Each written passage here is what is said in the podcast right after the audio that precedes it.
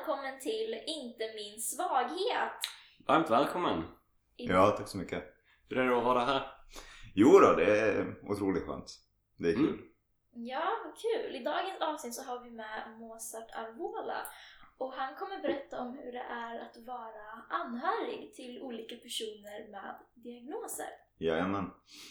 Och Mozart, jag tänkte om vi går in på det här så berättade du om att flera i din närhet har olika diagnoser. Kan du förklara hur det är att vara anhörig till personer med olika diagnoser? Berätta gärna om dina erfarenheter.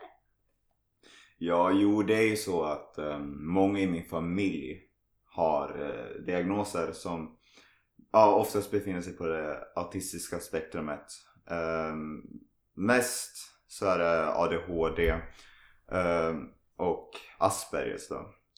Och det blir ju så att när man lever kring personer som eh, till, till exempel min mor som har ganska grov ADHD och har svårt att hålla rutiner eh, hålla ja, men ett, ett slags sammanhang och koll på allting. Så det är väl självklart att hur man lever ändras. Men samtidigt så känner jag att det, det kanske inte är så sån stor grej som folk tycker att det är eller målar upp det som att det är. Eh, folk med diagnoser är ju som, ja men vilka andra egentligen i grund och botten. Eh, grejen med det autistiska spektrumet är att ja men det är ju saker som det som är specifikt för någon med ADHD är ju aspekter som egentligen alla människor har men där kanske det är lite mer seriöst eller ja att det skapar problem i vardagen Um, så ja, jag har väl lite erfarenheter uh, med diagnoser trots att jag inte har det själv Uh, min bästa vän har uh, massa diagnoser. De närmaste i min släkt har massvis med diagnoser. Och även tidigare relationer, så flickvänner har haft diverse olika besvär. Men ja, man får helt enkelt lära sig hur man ska anpassa sig och det kanske inte handlar så mycket om en själv som inte har diagnos och att det kanske blir lite jobbigt för dig. För det är ju trots allt inte din problematik. Det handlar väl snarare om hur du stöttar och hjälper den som har problematik. Och hur den kan omvandla sina diagnoser till någonting positivt. Och någonting som kan hjälpa dem istället för någonting som de kanske tycker är hindrande. Ja, eh, precis som du säger, det är liksom inte så att de är en annan typ av människa. Utan det är verkligen, det är bara att vissa saker i tankemönster och sätt att förhålla sig till situationer ändras. Och det är ju någonting man kan jobba på som du säger. Jo men specifikt, och det är viktigt att trycka på det där med att det är inte en annan människa bara för att de har en diagnos. Nej. Om, om jag skulle till exempel prata med er nästa vecka och säga att nej men jag blev diagnostiserad med borderlines.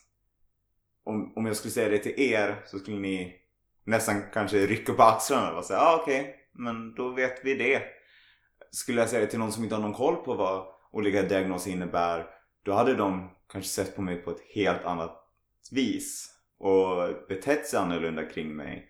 Och det är ju inte det man vill. Det är ju som att en nu kanske, här kan, nu kanske det här är ett lite fräckt exempel men någon som är rullstolsbunden vill inte att folk ska se på den personen som den rullstolsbundna utan de vill se på den som vilken, som vilken person den är och vad den har för personlighet och dens egenskaper. Jo, Eh, men självklart. jag som diabetiker vill inte bli sedd som han som vi måste hålla koll Han som, måste, som vi måste påminna om att han ska ta blodsockret. Ja, Utan jag vill vara Mozart. Jag vill vara den som blir behandlad som Mozart. Den som eh, har mina intressen. Den som har min personlighet och mitt sätt att uttrycka mig på. jo, du vill ju inte vara den som, ja ah, men vi måste hålla koll på den här Mozart så han inte ramlar ihop. Precis. Och framförallt när de kanske inte ens vet vad min sjukdom handlar om. Eller kanske inte vet vad någons ADHD egentligen innebär. Nej. Då är väl den personen i frågan, då gör den verkligen fel i att behandla dig annorlunda om den inte vet vad det innebär. Mm.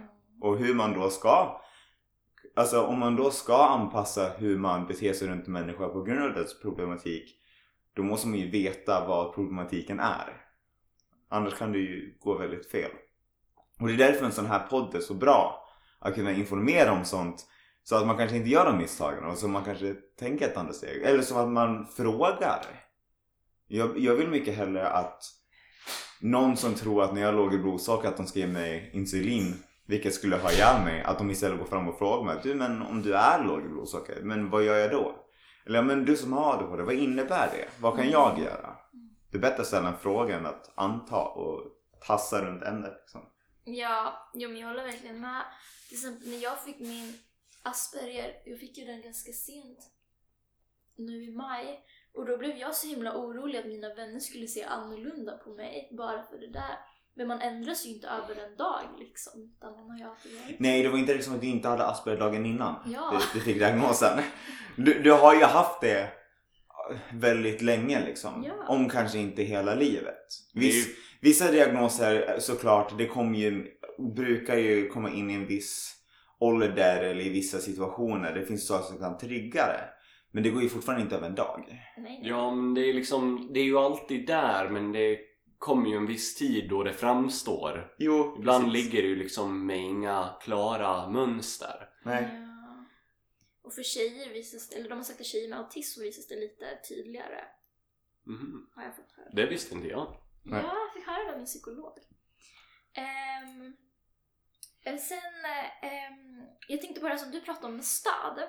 Mm. Eh, många eh, vet inte hur man, ska, hur man ska vara ett bra stöd för en person med diagnos. Till exempel, låt oss säga en kompis, eh, ja men typ någons kompis som blir diagnostiserad för första gången eller sådär, hur man kan hur man kan göra, hur man kan vara och så. Så vilka tips skulle du vilja ge till någon som vill vara ett bra stöd för en person med diagnos? För det första, jag är inte så stor grej av det. Det är nog bland det värsta man kan göra. För att alltså, det, jag har pratat mycket med bland annat min syster om det här. Just angående om att alla i min närhet vet att jag förmodligen har någon diagnos men att det finns ingen idé att egentligen göra någon screening för någonting. För det hindrar inte min vardag. Um, och då har vi pratat om det här äh, vad som är fördelen med att få en få, få sin diagnos på papper eller att ha problematiken utan en diagnos till exempel. Och då, för vissa så kan det vara skönt att få en klarhet på att ja, men, jag har den här diagnosen, nu vet jag vad det är, tack gode gud. För vissa kan det vara så här, ja men det är inget fel på mig, det finns en logisk förklaring. Och för andra kan det bli väldigt jobbigt som att det sätts en stämpel på dem, eller en Ja. titel att du är den med ADHD eller du är den med Asperger eller du är den med autism.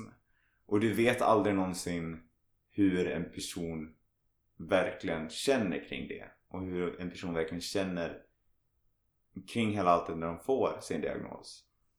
Så jag vet när vänner har blivit diagnostiserade det, bäst, det, det bästa du kan göra är att bara ställa frågan Ja men hur känns det? Men få hör, höra från dem att, men hur, hur känns det nu? Känns det skönt? Känns det jobbigt? Är det, kom det som en chock? Jag menar jag har en vän som nyligen blev diagnostiserad med eh, borderlines och då var det så här, vi skrattade åt det för det var så ja ah, men det har vi vetat i fyra år att du har haft borderlines. Ja. Vi, kan, vi vet alla symptomen, vi vet som är klassiskt för borderlines. Du tickar i allting, det är självklart. Nu fick du bara diagnosen. Fan vad skönt att äntligen få medicin för det. Ehm, Vad kul att ni kunde, att ni liksom avdramatiserade Ja. grejen liksom. och sen finns det vissa som inte vill ha medicin. Jag vet min syster till exempel eh, vill inte ha medicin för sin bipolaritet. För att hon vet det att eh, i hennes bipolaritet när hon går väldigt högt och väldigt lågt så vill hon hellre, för att hon är van, nu kommer det här låta hemskt, men hon är van vid att må så dåligt som det bara går. Så antingen så mår hon som hon brukar eller så går hon på en topp och mår jättebra. Om hon tar, och hon känner att om hon tar sin medicin så blir allting en gråskala. Och då har hon svårt att njuta av saker och hon har svårt att vara glad. Så även där så kan medicin också både vara bra och negativ beroende på vem det handlar om. Men har hon testat mediciner? Hon, hon har testat det och det funkar inte för henne.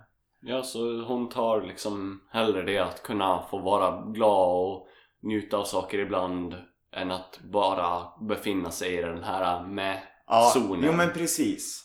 Hellre toppar och dalar än ligga i en jämn nivå vid horisonten liksom. Ja, eh, faktiskt jag har ett exempel på det här. Jag eh, gick ju länge på medicin för min ADHD men den gjorde ju mig så sjukt deprimerad.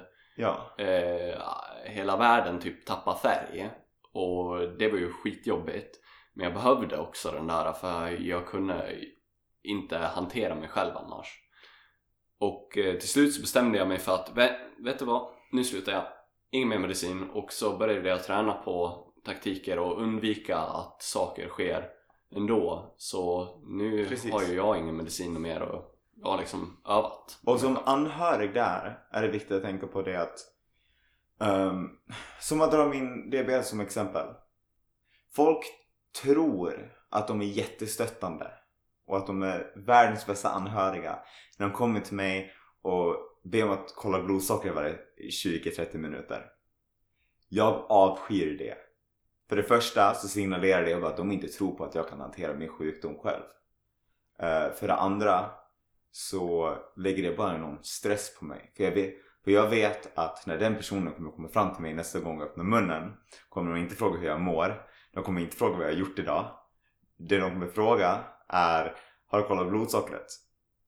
Och då, han, då blir det att hela min relation med den personen handlar om min sjukdom. Och det är förståeligt. Det är jättelätt som anhörig att bli orolig. Jo, Framförallt när det gäller allvarliga diagnoser eller sjukdomar. Det är väl självklart att jag är orolig för min bästa vän när han hamnar i sin hypomani eller vad det nu må vara. Men jag vet också det att han är stark, han är tuff, han kommer inte dö, han kommer klara det. Eh, Jag är med och det är jätteviktigt att jag kan vara med och om jag märker att han börjar missa varningstecken för att hypomanin, äh, hypomanin börjar så kan jag vara säga Du, du har precis nynnat på samma trudelutt i 45 minuter. Kan du, börjar du kanske bli lite hypomanisk? Om man då säger nej eller så här, oh fan det kanske jag blir. Ja men då har jag i alla fall lagt in en liten notis. Förbigående i ett samtal. Men jag pratar inte bara om det. Jag sitter inte och pressar honom. Jag, för att det jag skulle göra i så fall är att jag bara påminner honom om hans diagnos eller hans sjukdom om och om och om igen. Mm. Och, och, och det vet jag som diabetiker, jag vill ju vara som vem som helst annan. Jag vill kunna gå till Ica, köpa en chipspåse, slita upp den och trycka in mig hela utan att ta insulin och oroa mig med mitt blodsocker under hela dagen. Visst, jag kan inte det. Men jag skulle göra vad som helst för att bara slippa känna mig sjuk.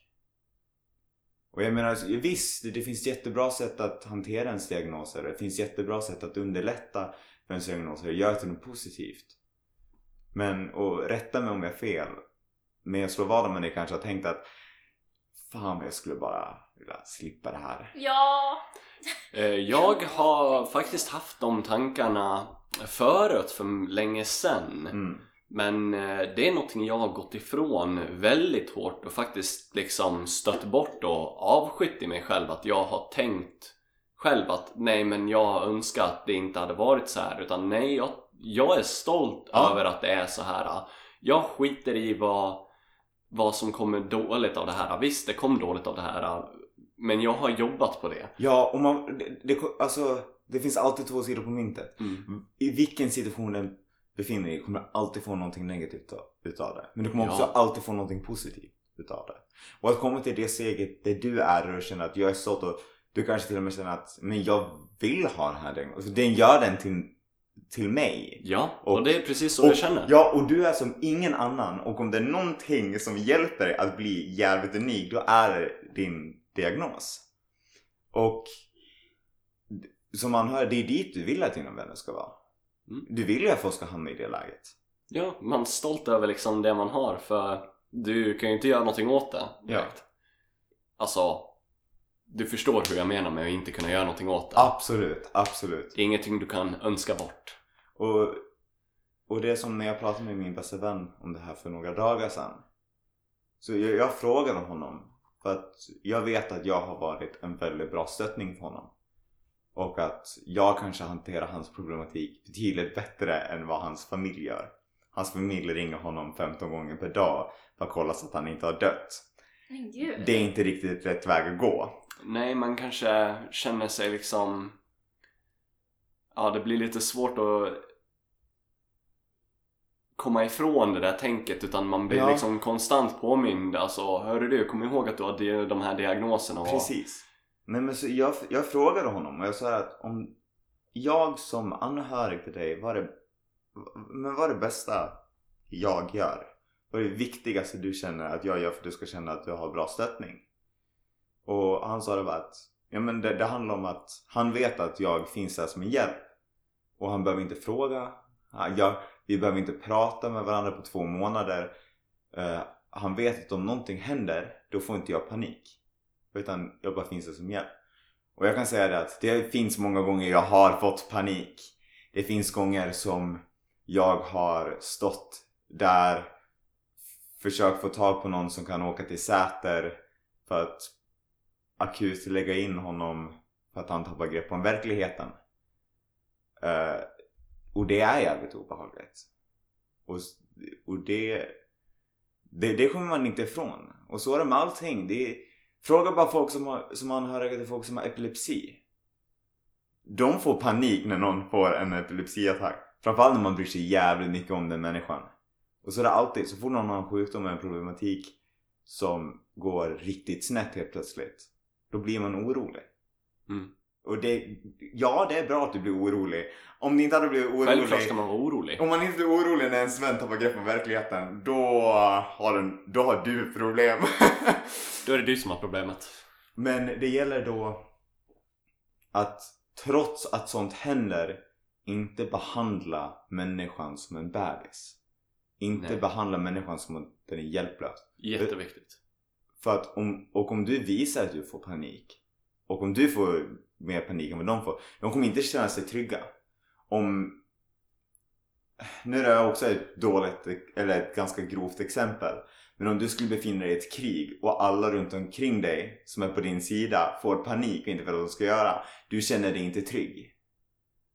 Då, då kommer de som är närmast dig och dina vänner få dig att känna mindre trygg än vad fienderna gör.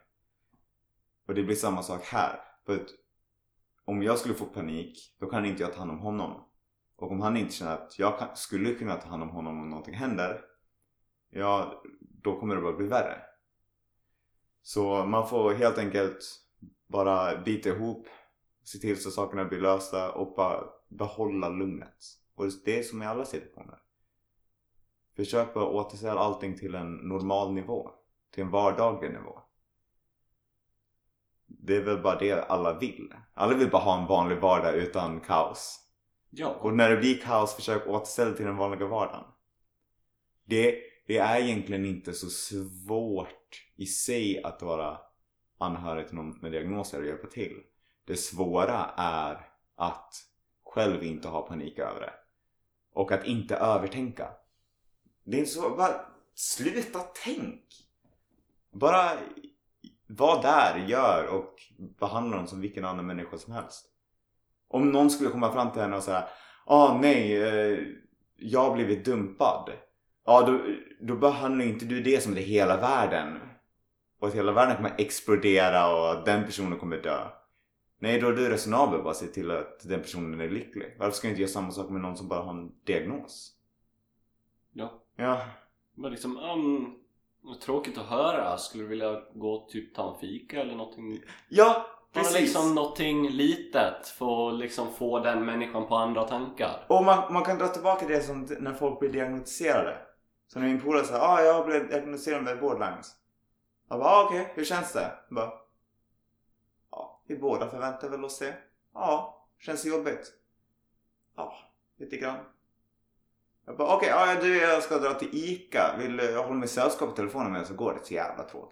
ja, absolut. Och sen snackar man om absolut ingenting vettigt. Ja! Det är bästa sättet att lösa det. Bara prata strunt. Exakt. Det är jätteskönt att prata strunt med personer. Mm. Särskilt kompisar då. Framför allt personer som har svårt med det sociala. Eller som har social fobi. Menar om du har social fobi. Då är det väl det skönaste att snacka med någon som bara gör det lätt. Men som, bara, som inte gör en stor deal utav det. Och sen finns det såklart gränser. Och det kommer också till här. Jag har pushat min polare väldigt mycket till att göra saker som han inte ville. Jag hade en februari månad där om han inte sa han har också grov social fobi. Om han inte sa hej till minst tre, perso- tre främlingar om dagen. Då var han tvungen att i slutet av februari ge mig 10 spänn för varje dag han inte gjorde det. Och det är så ja. Vissa dagar funkar det bara inte. Och så är det. Och jag skulle aldrig, jag skulle aldrig någonsin såhär, tvinga honom att gå och snacka med främlingar. När jag ser att den här dagen är hans mående och då är allting bara jävligt tufft. Det finns alltid gränser. Mm. Men om han kommer och säger Ja men det känns, li- det känns lite jobbigt idag. Nej men skit i det. Bit ihop, gör det. Och, bara, och sen bara göra så här. Gör inte för att du har social fobi. Gör inte för att bli av med den. Gör det inte för dig själv. Gör det inte för mig. Gör det bara för att jag vet att du är snål nog så att du inte vill betala mig. Och det är inte ens att han inte ens vill bli av med pengarna. Han vill bara inte att jag ska få pengarna. Och det vet jag är motivation nog för att han ska göra det. Och då helt plötsligt så hjälper man någon med social fobi. Men de tänker inte ens på att det är på grund av social fobi. Nej. Och då blir det så mycket lättare. Det är ju liksom en väldigt smart grej för även om man inte ska pusha folk för mycket så är det ju ändå viktigt att pusha folk för annars utvecklas man inte. Nej men precis. Och, jag menar, och självklart, det finns gånger då saker går snett. Det finns gånger då du ska vara lite rolig, oavsett om det handlar om en diagnos eller inte. Eller du ska pusha någon lite och sen kanske råkade pusha dem lite för mycket eller så gick någonting överstyr. Eller du sa ett, ett exempel, du sa ett skämt som bara inte gick hem eller det var för grovt. Och då får man vara sådär då får man svälja sin stolthet och bara såhär shit, fuckar upp, ber om ursäkt. Um, vi löser det så att allting, så att ingenting går över gränsen, så att alla mår bra. Och sen så får vi, får vi bara se till så att vi förstår att ingenting illa var menat. Men man kommer alltid göra misstag. Men hur många misstag har inte jag gjort med min egna sjukdom? Hur många misstag har inte jag gjort med mina vänrelationer och gällande mina diagnoser? Ja, så då är det väl självklart att dina vänner kommer också göra misstag gentemot dig. Självklart. Det är sånt som händer. Men man får vara mogen och hantera det på ett, på ett bra sätt. Det gäller ju att liksom ta ansvar för att man gjorde någonting och så får man liksom se vad man lär sig av det. Ja, ja så här, nyckeln där är gör ingenting som du inte kan stå för. Nej, Om, så här, om du ska göra någonting och du inte kan hantera det när det går snett, då ska du inte göra det alls.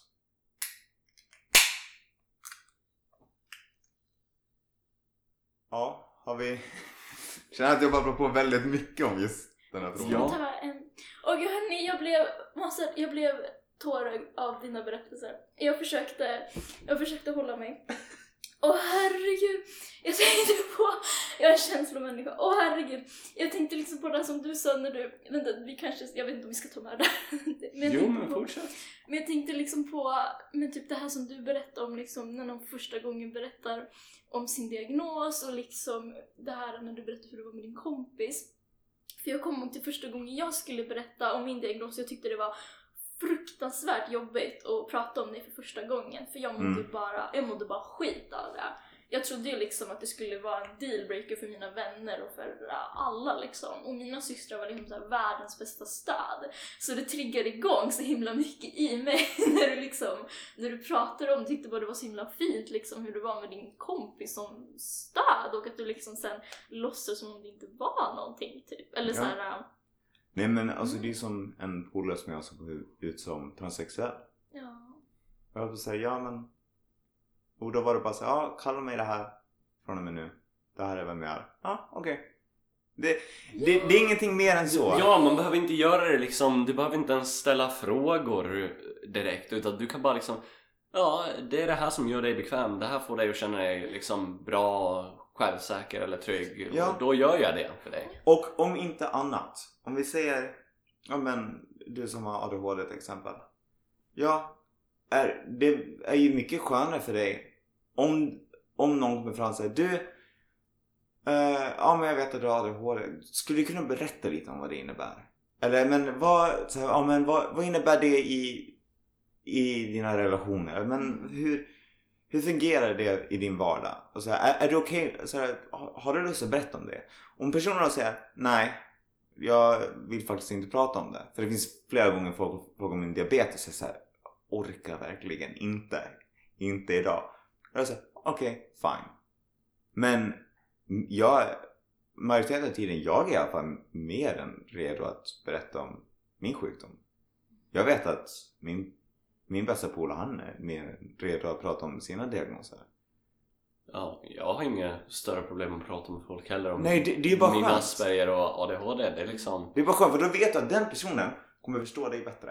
Ja, för det är så sjukt jobbigt när folk antar att de Mm. kan när de håller på att liksom gissa sig till sanningen. Precis. De bara liksom, ja ah, men du har väl ADHD så då kan du inte hålla fokus. Det är inte alls sant! Jag, jag har ett otroligt skärpt sinne och jag är otroligt fokuserad. Jag såg den här filmen med, jag vet, åh. Det var, Vilken film? det, det var många år sedan. Det var, det var någon film som handlade om någon, eh, om någon kille som hade Asperger.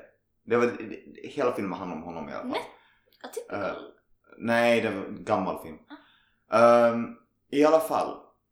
Och han hade, alltså, när jag såg på den där filmen och han hörde den som har grov Asperger och han får hennes Asperger att verka som att det är en felaktig diagnos. Då är det illa. Alltså den sättet de framförde Asperger på, det, på den filmen var sjuk. Ehm, och, då, och sen så hör folk så här bara, Jaha men har din syster Asperger? Men då är hon så här. För det vet jag. Jag, jag har ju sett den här filmen. Och bara, Ja. ja bra. Du har sett en, en överdramatiserad berättelse om någon med en diagnos. En diagnos som dessutom är, är annorlunda på varje människa som har det. Ja. Det är så här, sånt Diagnosen, diagnosen är lika unik som personen själv. Ja men precis. Och det, man kan likna med typ, men som religion. All, alla kristna är, är olika slags kristna. Ja, För att alla tar till sig en religion på olika sätt. alla ser det på ett annat Ja. sätt. Alla har en, en annan synvinkel och alla som har diagnoser oavsett om du radar upp tusen personer med ADHD så kommer deras ADHD inte vara likadan. Nej.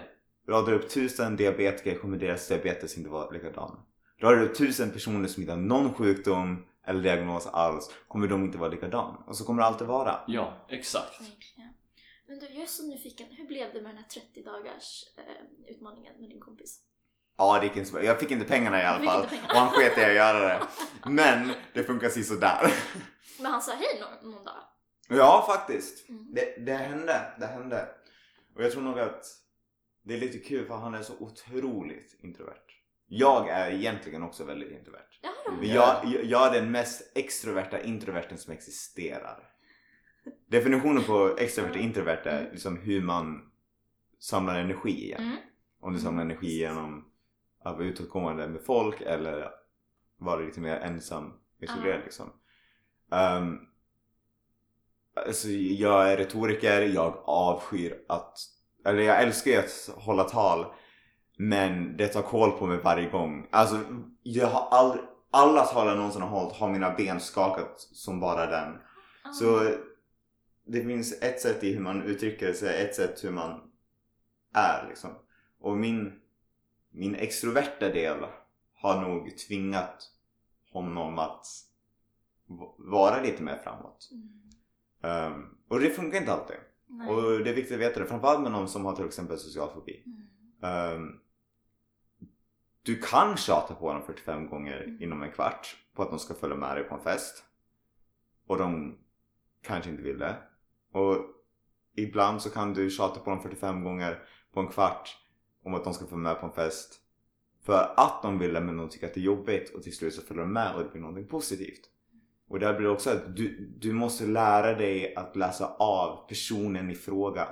Jag kan inte jag har levt med många människor som har ADHD det betyder inte att jag, om jag träffar en ny människa med ADHD så vet jag så där fungerar du, jag vet hur jag ska hjälpa dig nu. Nej, du måste lära känna personen. Du måste, du måste kunna läsa av dem. De- Du måste veta hur de mår, om diagnosen kommer hindra eller om det går att pusha dem igenom det just den här situationen. Sånt, allt sånt måste kunna läsa av själv utan de säger någonting helst. För att det så som jag uppfattar rätta mig jättegärna om jag har fel. För det, det betyder bara att jag lär mig mer. Um, men ibland så känns det som att om man har en diagnos så är det kanske lite svårt att själv veta hur den fungerar, vad du vill, om den hindrar eller inte. Om det är ditt humör, om du kanske bara är hungrig eller om det är din sociala fobi som kickar in. Det, det är inte solklart. Nej, det är faktiskt inte det. Alltså många gånger av har det varit så att jag bara liksom fått tanke på att ja men det är min diagnos fast det var inte min diagnos. Ja men det är inte min diagnos fast det var min diagnos. Det är liksom det, det är inte liksom så här det, det var, du har faktiskt rätt i det du säger. Eh, Liksom. Alltså det är inte såklart. Och, Nej. och då blir det inte såklart som en anhörig heller. Det blir väldigt svårt för en anhörig också då att veta om det är diagnosen eller inte. Och veta om du kan pusha dem, om du ska pusha dem eller om du ska låta det vara och vara såhär Okej men jag drar på festen, stanna hemma, vila, det är lugnt, tänk inte på det. Dock ska jag inflika att nu med, när jag har spenderat så lång tid med mina diagnoser så har jag lärt mig att se när jag håller på och ADHD mig Ja. eller autismar mig. Liksom så. Bra verb, jag håller med. Det är bästa sättet att beskriva det. Det, jag förstår liksom när det sker nu. Men Ja, förut, gå tillbaka 3-4 år, jag skulle bara... Jag vet inte vad som händer. och det har kommit till tips som anhörig. Var aktiv i personen, alltså personen som har en, har en diagnos. Var aktiv i deras diagnos. För på samma sätt som du kan lära dig när du ADHD och när du autismar dig. Så kan också jag lära mig när du ADHD och när du autismar dig. Exakt. Ehm, och om jag inte skulle veta skillnaden mellan när du bara har en off-dag som varje vanlig människa, vanlig inom citationstecken, Ja. ehm, eller när det faktiskt är din autism eller ADHD som börjar kicka in. Om jag inte vet det, då är det lätt att så fort du är lite off, då blir det så här, ah, autismen va? Det är det mest frustrerande någonsin. Ja. Det, det vet jag också som diabetiker. Att för man kan bli...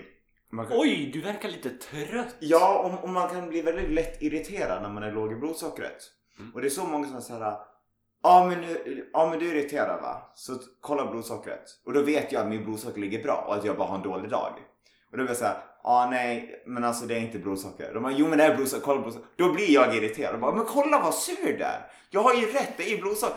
Och man, man blir kokande. Det, blir, det är en sån frustration. Ja, man bara, du vet inte. Mm.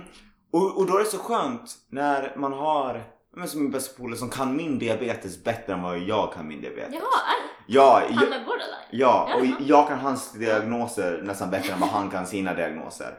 Vi känner varandra bättre än vad vi känner oss själva. Och då är det så skönt, han kan bara vara så han bara du, du har blodsockret. Jag bara, "Äh, va? Sen kollar jag blodsockret, sen är det. För att han, han, han ser de där, han ser de där varningsflaggorna så väl. Och, och det är där man vill komma. Det, det är så det vill vara som anhörig. Ja, jag tror det är nästan enklare också att se och lära känna andra än vad det är att känna sig själv. För eh, jag tänker att ofta nekar man sig själv också att liksom, nej men det kan inte vara så här. Oh ja. Medan med en annan människa så har du inte det liksom någon som tittar på dig från ett utifrån perspektiv de säger så här, de har inte det här liksom nej men det är säkert lugnt, det är inget problem för mig nu Mm. men du själv kanske bara ja men jag tror inte att det är så Och om vi säger att jag skulle känna dig jävligt väl så jag vet när din ADHD kickar in och sånt. Då skulle, då kanske till och med skönt om jag så här. Alltså om vi håller på med någonting och jag känner att du börjar zona ut eller du har liksom svårt för det. Då kan jag säga, ja men vi pausar. Den annat. Det är fine. För att det måste också vara jävligt frustrerande att, men om man säger att man har problem med fokuset. Att sitta där och veta att du måste fokusera på det här men det går inte. Åh, den är jättejobbig. Och sen, Ja. och sen sitter du fast i den situationen. Och då kan det vara skönt att någon bara så här, petar ur dig. Så du inte har att någonting att Det fokusera är lugnt för man vill ju själv typ rälsa in sig på att det här måste jag fokusera Mm. på så jag ska fokusera på det här. Man- men man kan inte. Man vill så gärna. ja, trots och, att man vet och då nekar man sig själv för man vet vad som går men man bara nej. Precis. Och då är det skönt om någon säger du, kom. ja, Vi, vi går ut på en promenad eller gör någonting annat. Vi, precis. vi spelar någonting. Oh ja, det har jag definitivt med om. Så jag, det, men, men det är så härligt för att det är så skönt när jag kan höra folk med diagnoser förklara någonting och då får jag direkt upp en bild i huvudet exakt hur jag skulle göra med en anhörig som har liknande problematik. Att det bara efter ett tag när man är van vid det och när man är tillräckligt insatt i någons problematik och någons diagnoser det bara klickar, du, du behöver inte fundera på det. Som med min bästa jag behöver inte fundera längre på hur jag ska göra för att hjälpa honom. Jag gör det automatiskt. Det är en vana. Det bara finns där. Och det är så skönt att kunna känna det och också känna att man hoppas så gärna att andra ska komma dit. Och sen såklart, jag, man kan aldrig någonsin ställa krav på att varenda människa runt omkring dig kommer förstå dig perfekt. Och vet hur de ska hjälpa dig. Men det är viktigt att du med diagnos, eller du som anhörig med någon som har diagnos, kan hjälpa varandra att se till så att man har i alla fall en sån relation. Men så att man säger att om någon som tappar grepp om verkligheten, en sån allvarlig grej. Så de vet att om någonting sånt händer kan de ringa ett samtal. Och att om jag till exempel som anhörig, vart jag än är, vad jag än gör, om jag så sover, så länge jag hör samtalet så svarar jag. Så sitter jag med i telefonen. Jag kanske inte kan hjälpa. Jag kanske kan underlätta. Jag kanske inte kan underlätta. Men att de vet att jag finns där och försöker. Ja. Och det är ju en trygghet att man vet att det finns någon där. Ja, och du behöver inte ha 70 sådana relationer. Nej. Du kanske behöver en. Eller någon som är alltså du kanske behöver två eller tre. Men det är inte så mycket som krävs. Det krävs bara lite villighet. Jag har ju en kompis som eh, eh, han har ju eh, han har ju bara liksom milda fokusproblem eh, vad jag vet Mm. men eh, för det mesta så är han rätt så normal inom situationstecken då men eh, eller så bara kanske han är sjukt duktig på att sköta efter det där men jag vet att liksom vi behöver inte jämt ha kontakt, vi behöver inte jämt hålla på och ses. Det är liksom sällan vi ses Mm. nu. Men jag vet ändå att liksom If I'm in a pickle så finns han liksom. Jo men precis. Och alltså jag måste vara ärlig, det finns sjukt många gånger som min bästa polare har pratat om sin problematik eller har hamnat i en tuff period. Och jag sitter där och tänker vad kan jag göra, vad kan jag göra, vad kan jag göra? Och det bara är blankt. Och ibland så inser jag, jag kan inte göra någonting. Ibland så behöver man inte göra någonting. Nej. Och, Ibland är det bara skönt att ja, och, veta att någon finns. Så ibland så får man lov att säga det. Du, jag kan inte hjälpa dig att lösa situationen. Jag vet inte hur jag ska kunna fixa det.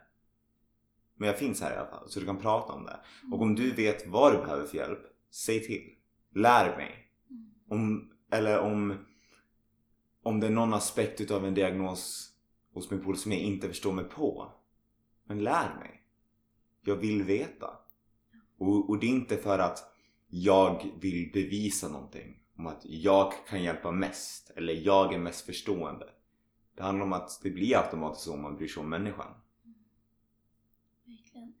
Eh, tusen tack Mozart för dina perspektiv och alla dina tips. Och jag har fått flera aha-upplevelser. Hur har du känt? Det har jag fått, för jag har varit ledsaga på ett läger för personer med synnedsatta och jag har gjort flera av de sakerna som du säger man bör undvika. så jag har fått flera, oh shit, fan gjorde jag det där. Eh, så verkligen tack för dina tips. Hur känner du Lukas? Ja, jag känner bara att det var en otroligt trevlig diskussion. Jag med. har jag inte haft det här liksom riktigt aha för många av de här sakerna har varit rätt självklara för mig då. Jag som Ja. har levt med det här länge och fått de här spek- perspektiven av mig själv liksom. Mm. Men det är skönt att höra att det finns någon som liksom håller med och tycker samma sak. Ja, och det är viktigt att kanske få ett perspektiv från både någon med diagnos och någon utan diagnos. Ja. Så att man får se båda hållen. Och för att det är lätt för mig att utan diagnos gå runt och säga man kan göra det här, man kan göra det här. Men om ingen med diagnos faktiskt bekräftar det Ja, och att det funkar. då, varför ska man då lyssna på mig liksom? Mm. Ja, men det du har liksom uttalat dig om här, det är liksom... Jag känner att det är precis den... Jag, jag vill verkligen ha en sån relation med minst en person. För Jag med. det är otroligt skönt att bara veta att det finns någon som, som eh, täcker din rygg. Ja, och ja, slutsatsen är väl helt enkelt det är jävligt tufft ibland men så är det alltid. Och det är inte alltid lätt att vara anhörig men kom ihåg att det inte är lätt att vara den som faktiskt har diagnosen heller. Eh, det är bara att ta sig igenom det. Och om inte annars är det väldigt skönt att om ett år kunna säga Kommer du ihåg när jag hade det här problemet och vi löste det skitbra? Jajamän, så kan man high five och vara glad resten av dagen. Ja, Ja, verkligen. Tusen tack Mozart för att du var med i vår podd. Ja, tack själv.